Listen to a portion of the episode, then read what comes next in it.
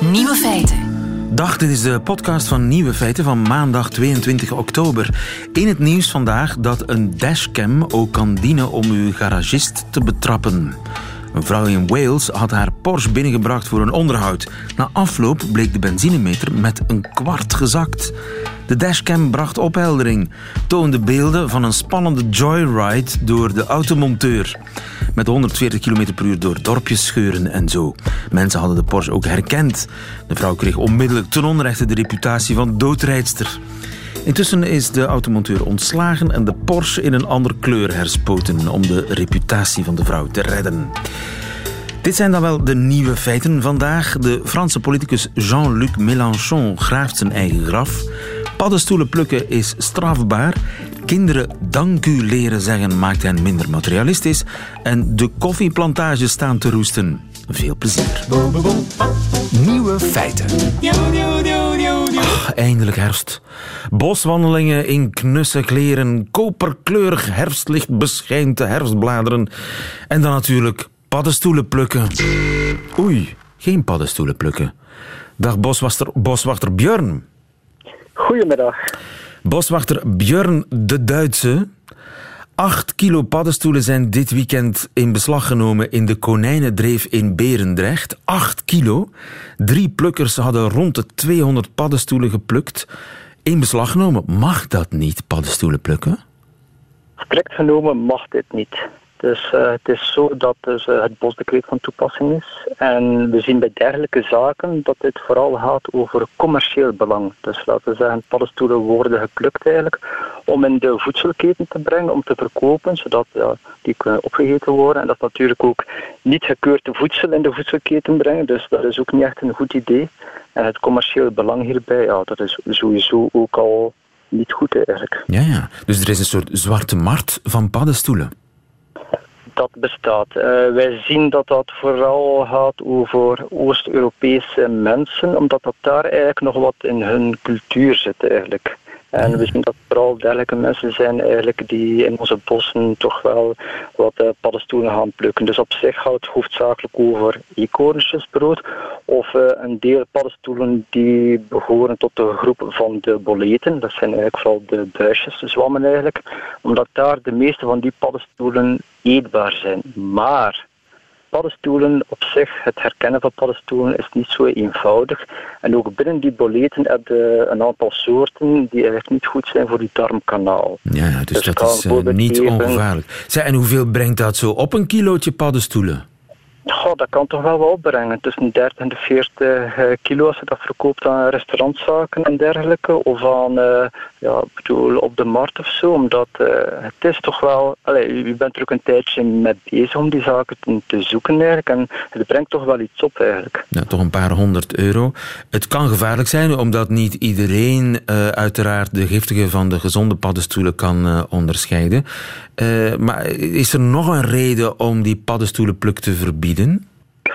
Een, een, andere reden is eigenlijk vooral ook omdat het louter naar uh, wetgevend kader eigenlijk. Uh, ons bosdecreet zegt dat dat niet mag. Je moet ook van de paden lopen. Het is zo dat, uh, als ik het voorbeeld geef in de bossen van de Vlaamse Ardennen, dat we daar dat toch wel toegankelijkheidsreglementen zijn, omdat daar heel wat zeldzame planten groeien. Dus als iedereen dwars in het bos overal doorloopt eigenlijk en alles begint te plukken en in de bodem begint te vroeten, ja, dat is natuurlijk Dan ook is het bos ook om zeep. Zijn paddenstoelen uh, bedreigd? Zijn ze zeldzaam?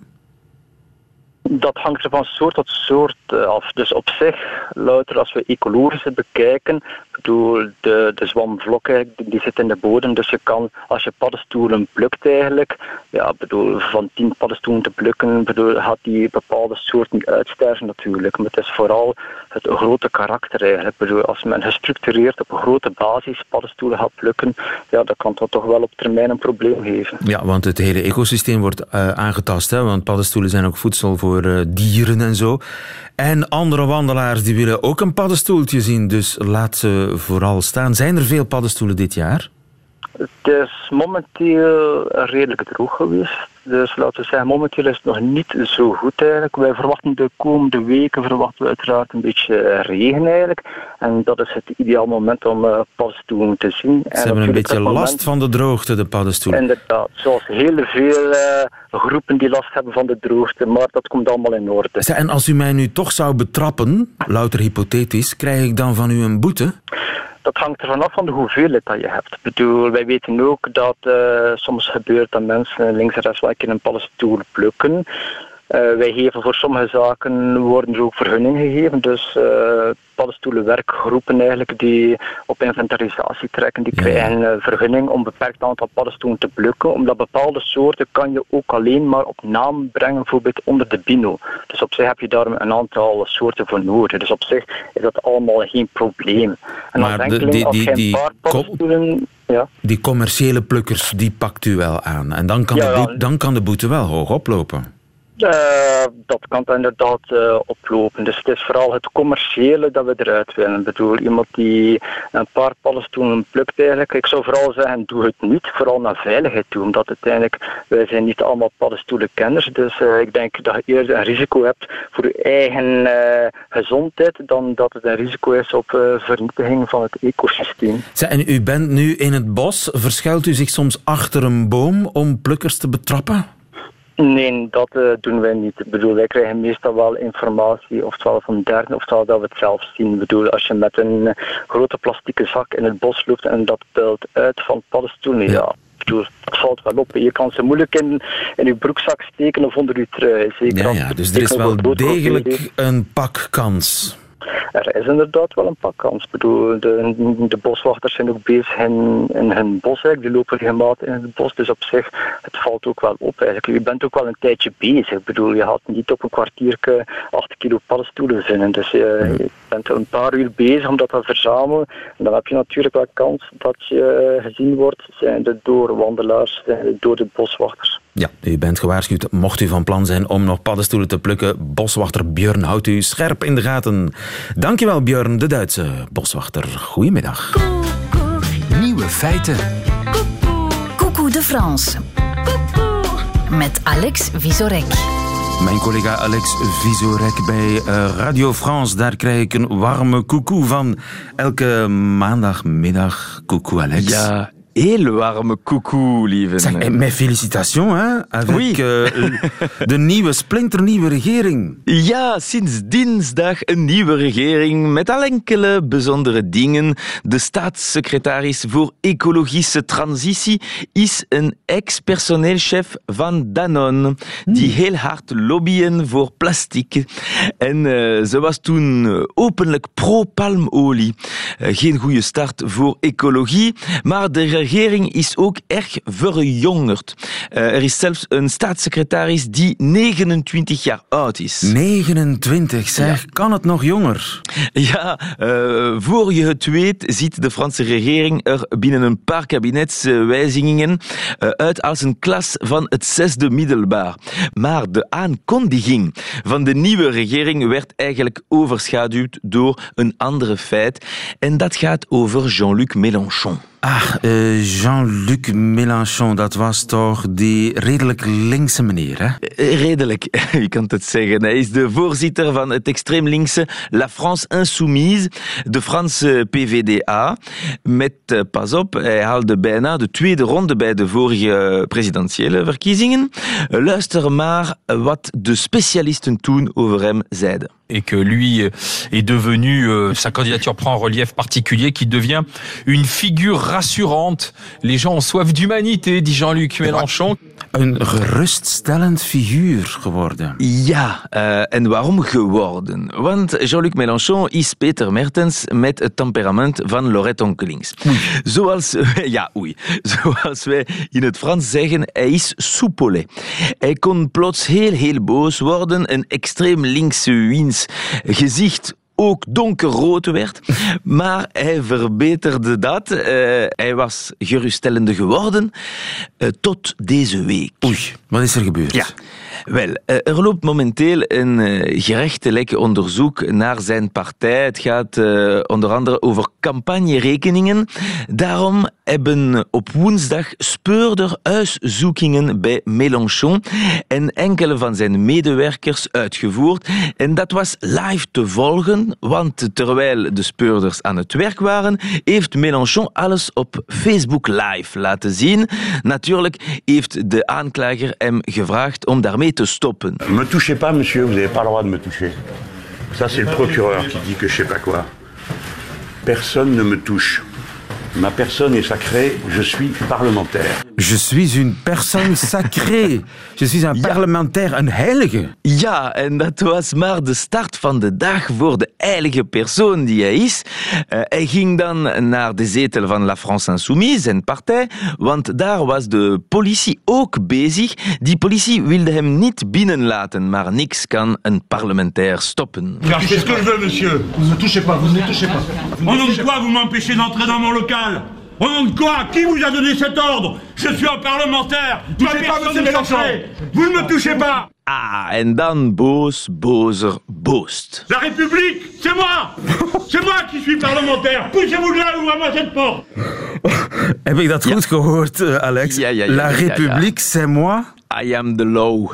En herinner je nog niet zo lang geleden Et que lui est devenu, euh, sa candidature prend un relief particulier, qui devient une figure rassurante. Hmm. Les gens ont soif d'humanité, dit Jean-Luc ja. Mélenchon. Humanité. Ja dat, Hmm. ja, ja, dat is wel een ex-kandidaat om president te worden. Iemand die de nucleaire codes ooit in handen wilde hebben.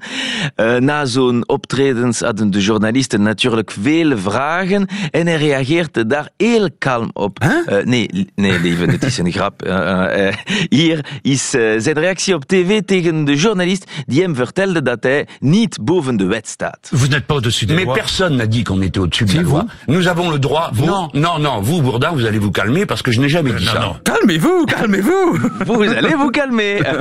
En daarna heeft hij gelachen met het accent van een journalist uit het zuiden van Frankrijk en haar gevraagd. Quelqu'un a-t-il une question formulée en français et euh, à peu près compréhensible Parce que moi, votre niveau me dépasse, je ne vous comprends pas. Oei, oei, oei. Dat Oui, niveau oui, van u, oui, dat oui. haal ik nooit. Dus graag een, eh, een vraag in het Frans, alstublieft. Ja, Jeetje. maar het was in het Frans, maar avec l'accent du sud.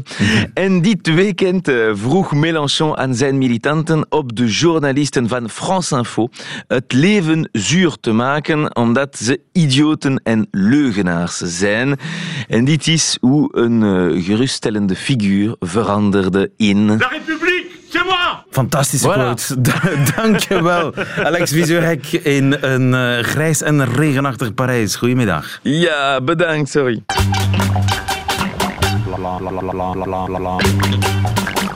Nieuwe feiten. Er is een eh, hele simpele truc ontdekt om kinderen minder egoïstisch te maken. Pedro de Bruikere, goedemiddag. Een goedemiddag, lieve. Onze favoriete pedagoog. Ik kreeg destijds voor mijn plechtige communie, Pedro, een parker. Een kogelpen. En daar was ik heel blij mee. Tegenwoordig krijgen kinderen een Playstation als als één keer hun groentjes flink hebben opgegeten. Kinderen krijgen veel meer spullen en cadeautjes dan vroeger, hè? Eh, het valt op, maar het verschilt natuurlijk van kind tot kind. Mm, Maar we zijn misschien ietsje rijker geworden, Ja. collectief. Maar kweek je zo geen materialistische egoïsten? Wel, eh, als we kijken, we hebben geen Vlaams onderzoek, maar als we kijken naar longitudinaal, dus over lange termijn gespreid onderzoek, dan is er wel een aanwijzing dat het materialisme zou toegenomen zijn de voorbije 50 jaar. Dat is een Amerikaans onderzoek, ja. En zijn verwende kinderen, zijn die later vatbaarder voor angsten en depressie? Word je van materialisme, word je daar kwetsbaar van? Ik ben geen specialist in depressie, maar eh, laten we zeggen, een gevoel van on, ja, van als je bepaalde zaken niet kan krijgen, want er komt wel een shock, of er kan wel een shock komen, dat als je eenmaal dan in de werkelijke wereld staat en dat het allemaal ietsje minder makkelijk gaat, kan dat wel voor wat stress zorgen, ja. als understatement. Nu, uh, in Chicago is er een heel boeiend experiment gedaan bij tieners. Die tieners moesten iets doen. Wat moesten zij doen? Wel, ze hadden twee groepen. Ze hadden uh, een controlegroep en een groep die uh, speciaal naar gekeken werd. En alle tieners moesten een soort van dagboek bijhouden gedurende twee weken. En de ene moesten gewoon schrijven wat ze doen, maar de andere, en die, dat maakt het speciaal, die moesten opschrijven waar ze dankbaar voor zijn elke dag. Elke dag een soort dankbaarheidsrapport maken. Ja, waar ben je dankbaar voor? Uh, waarvoor denk je van, oh, dat is echt wel een hele grote meevaller. Waar ben je gelukkig door? Uh, en wat moet je daarvoor bedanken? Ja. Bijvoorbeeld, ik ben blij dat mijn ouders gezond zijn. Uh, ik heb vandaag een mooie dag gehad dankzij de, de, de, leerkracht bijvoorbeeld. Ik ben dankbaar voor het tonijnslaatje die vanmorgen klaar stond voor mij. Voor de ja. Metro die reed. Voor de koffie die klaar was, uh, enzovoort enzoverder. Ja.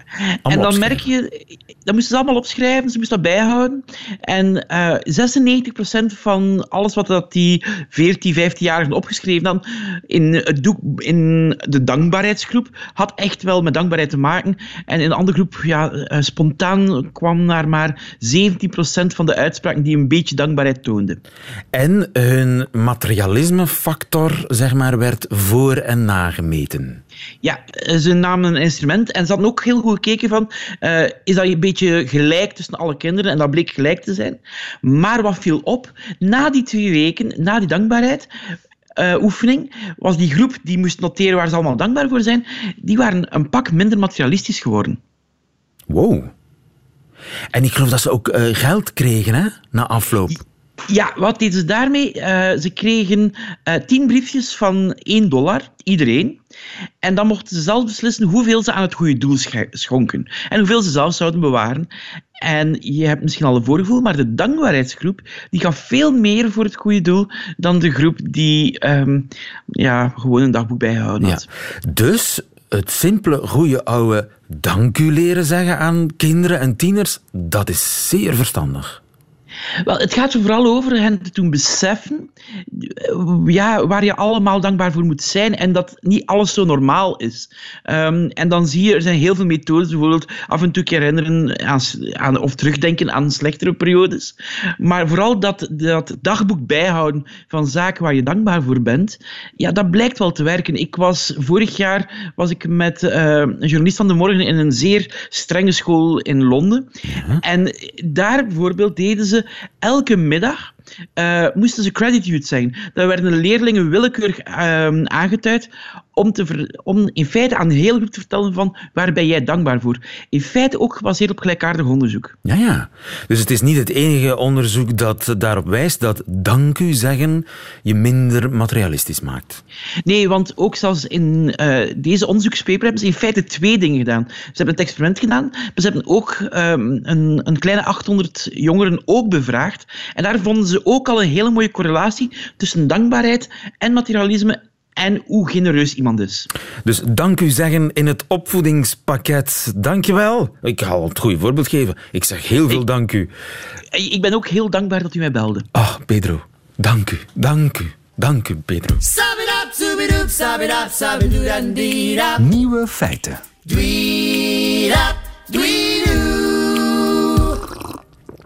Ah, ik geniet van mijn koffie, zolang het nog kan, want in Zuid-Amerika ja, daar roesten de plantages weg. Geert Hazard, goedemiddag. Goedemiddag. Bio-ingenieur aan de Universiteit van Gent.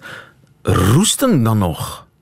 Ja, maar roest is een begrip die wij ook gebruiken voor schimmels. Het is een, een groep van schimmels die planten wereldwijd aantast, waaronder ook koffie. Maar we kennen ook roestschimmels bij onze granen bijvoorbeeld. En dat ziet er een beetje roestig uit. Wel, de sporen die de schimmel produceert in grote getalen, ja, kleuren geel tot rood tot bruin. Dus vandaar die vergelijking die men toch wel maakt met roestijzer die roest. Ja, ja. en is dat besmettelijk? Ja, is eigenlijk, uh, of algemeen zijn die schimmels uh, heel infectieus, zegt men. Ze produceren grote hoeveelheden sporen en wanneer die op het gepaste blad vallen, infecteren ze de plant uh, en de plant wordt ziek en, en degenereert. Ja. staan er op dit moment grote gebieden te roesten? Wel, de vraag was naar koffie, dus roest bij koffie komt wereldwijd voor. Het is niet alleen in Latijns-Amerika, Centraal-Amerika. Maar ook Afrika, in India, Vietnam uh, komt uh, die schimmel voor. Oei, dus dat, ja. die roest rukt op. Kunnen we daar iets tegen doen? Wel, misschien eens zeggen dat de roest origineel vanuit Afrika komt. De koffieplant is ook uh, origineel vanuit Afrika en heeft zich van daaruit verspreid. Dus die rukt op, zou je kunnen zeggen, maar dat oprukken is al een tijdje aan de gang. Hè. Dus uh, eind 1800 was die reeds in uh, Azië en we stellen vast vanaf ja, de jaren 70, 80 voorgaande eeuw is die volop aan het oprukken in Latijns-Amerika. Dus die was er eigenlijk al van in het begin bij, zeg maar, bij, ja. bij de koffie. Ja, en het heeft te maken met het feit dat koffie vanuit, vanuit Afrika geëxporteerd is. De planten bedoel ik dan, naar andere gebieden waar koffieplanten konden groeien. Men heeft daar plantages aangelegd en met die beweging is ook de roeschimmel meegegaan. Ja, maar kunnen we dat tegenhouden? Ja, um, laat ons zeggen, er zijn eigenlijk drie, drie werkwijzen om die tegen te houden. Het eenvoudigste is fungicide spuiten. Dus er zijn een aantal schimmeldodende middelen die ja, die schimmel perfect uh, kunnen tegenhouden. Als men de plant op tijd behandelt, dat betekent voordat de sporen op de plant of de bladeren komen. Maar het nadeel is dat moet frequent gebeuren. En dat heeft natuurlijk dan toch wel een ecologische impact. En dus meer dat, ja, Dat, dat gebeurt dan ook niet op grote schaal?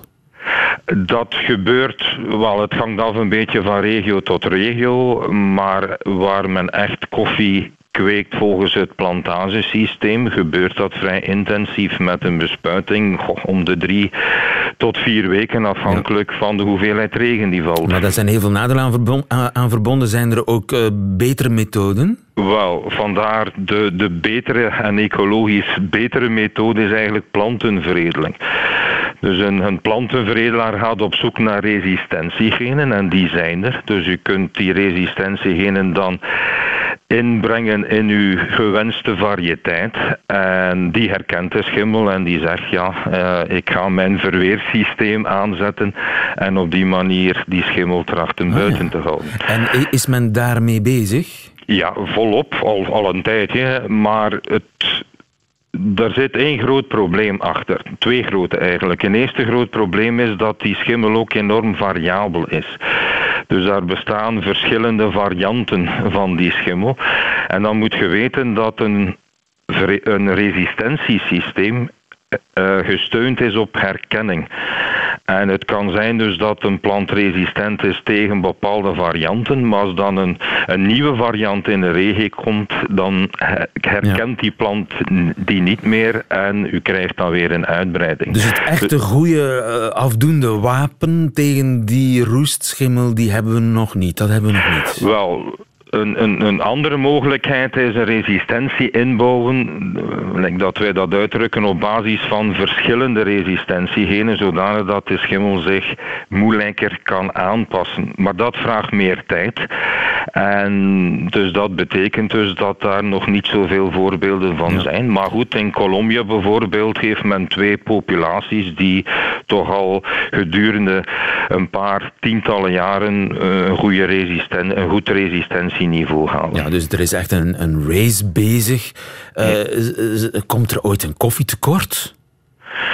Goh, dat zou ik uh, niet durven zeggen. Uh, in bepaalde regio's is die schimmel heel moeilijk te onderdrukken. En zeker uh, waar men, wanneer men gaat naar plantagelandbouw. Maar ik zou daar iets nog willen aan toevoegen. Hè. Je hebt ook kleinschalige koffieproductie. Waar ja, men eigenlijk grotere afstanden geeft tussen de koffieplanten. Die groeien ook tussen andere bomen, onder schaduwbomen zeg men. En daar ziet men dat de druk van die schimmel veel lager is. Aha. Het opbrengstniveau is natuurlijk ook lager, maar bijvoorbeeld door ja, die kleinschalige telers dan toch bij elkaar te brengen, kun je toch in bepaalde regio's uh, behoorlijk wat koffie produceren. Ja, dus het is zoals het uh, heel vaak het geval is, ook een kwestie van centen. Ja, een kwestie van centen en een kwestie van ja, die kleinschalige teelt natuurlijk, die, die boer wordt daar niet rijk van. Of, of uh, ja, uh, tracht daar wel een inkomst uit te halen, maar het, het blijft een moeilijk verhaal natuurlijk. Hè. Het blijft een moeilijk verhaal en ja. ik hoop dat ik uh, koffie kan blijven drinken, want het idee dat er ooit een koffietekort zou kunnen komen, dat raakt mij heel diep. Dat, om niet te zeggen ja. dat het mij enigszins in paniek maakt, maar de, de, voorlopig maar is er goed, niet echt geen probleem. Dankjewel ik, Geert Hazard ja, aan de Universiteit tot van Gent. Ja. Goedemiddag. Nieuwe feiten. Middagjournaal. Ik ben opgegroeid in Los Angeles, een miljoenenstad. En nu woon ik in een West-Vlaams dorpje met 800 inwoners. Gisteren, toen ik met mijn hond aan het wandelen was, kwam ik iets heel vreemds tegen. Het was een doos vol fruit.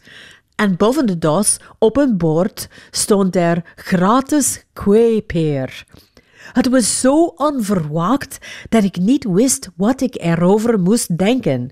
Wat was de bedoeling hier? Waarom zou iemand mij gratis fruit willen geven? In Los Angeles kom je nooit een doos gratis fruit tegen. Het enige moment waarop ik gratis fruit van mensen kreeg was op Halloween, maar we aten die appels bijna nooit op. Ik zeker niet, want er waren veel urban legends over dingen die in Halloween-appels werden gestopt. En mijn moeder geloofde ze allemaal. Dus het maakte niet uit hoe mooi een appel eruit zag, perfect rond, zonder vreemde kleuren. Mijn moeder was overtuigd dat ze vol scheermessen en drugs zaten. Dus gooide ze alle appels weg en daarna stond ze een volle tien minuten haar handen te wassen.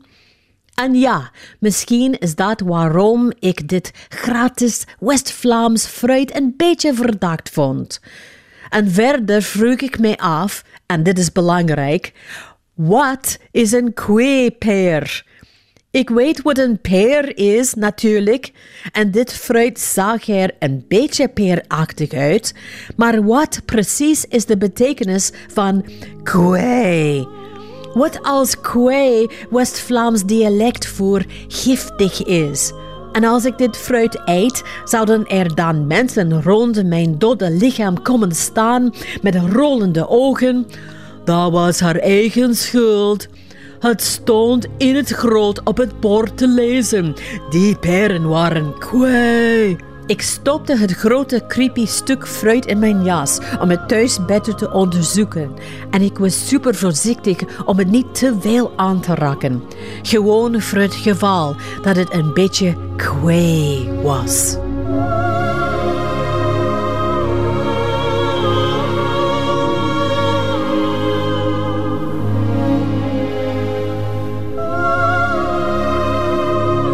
Middagjournaal met Jovanka Steele.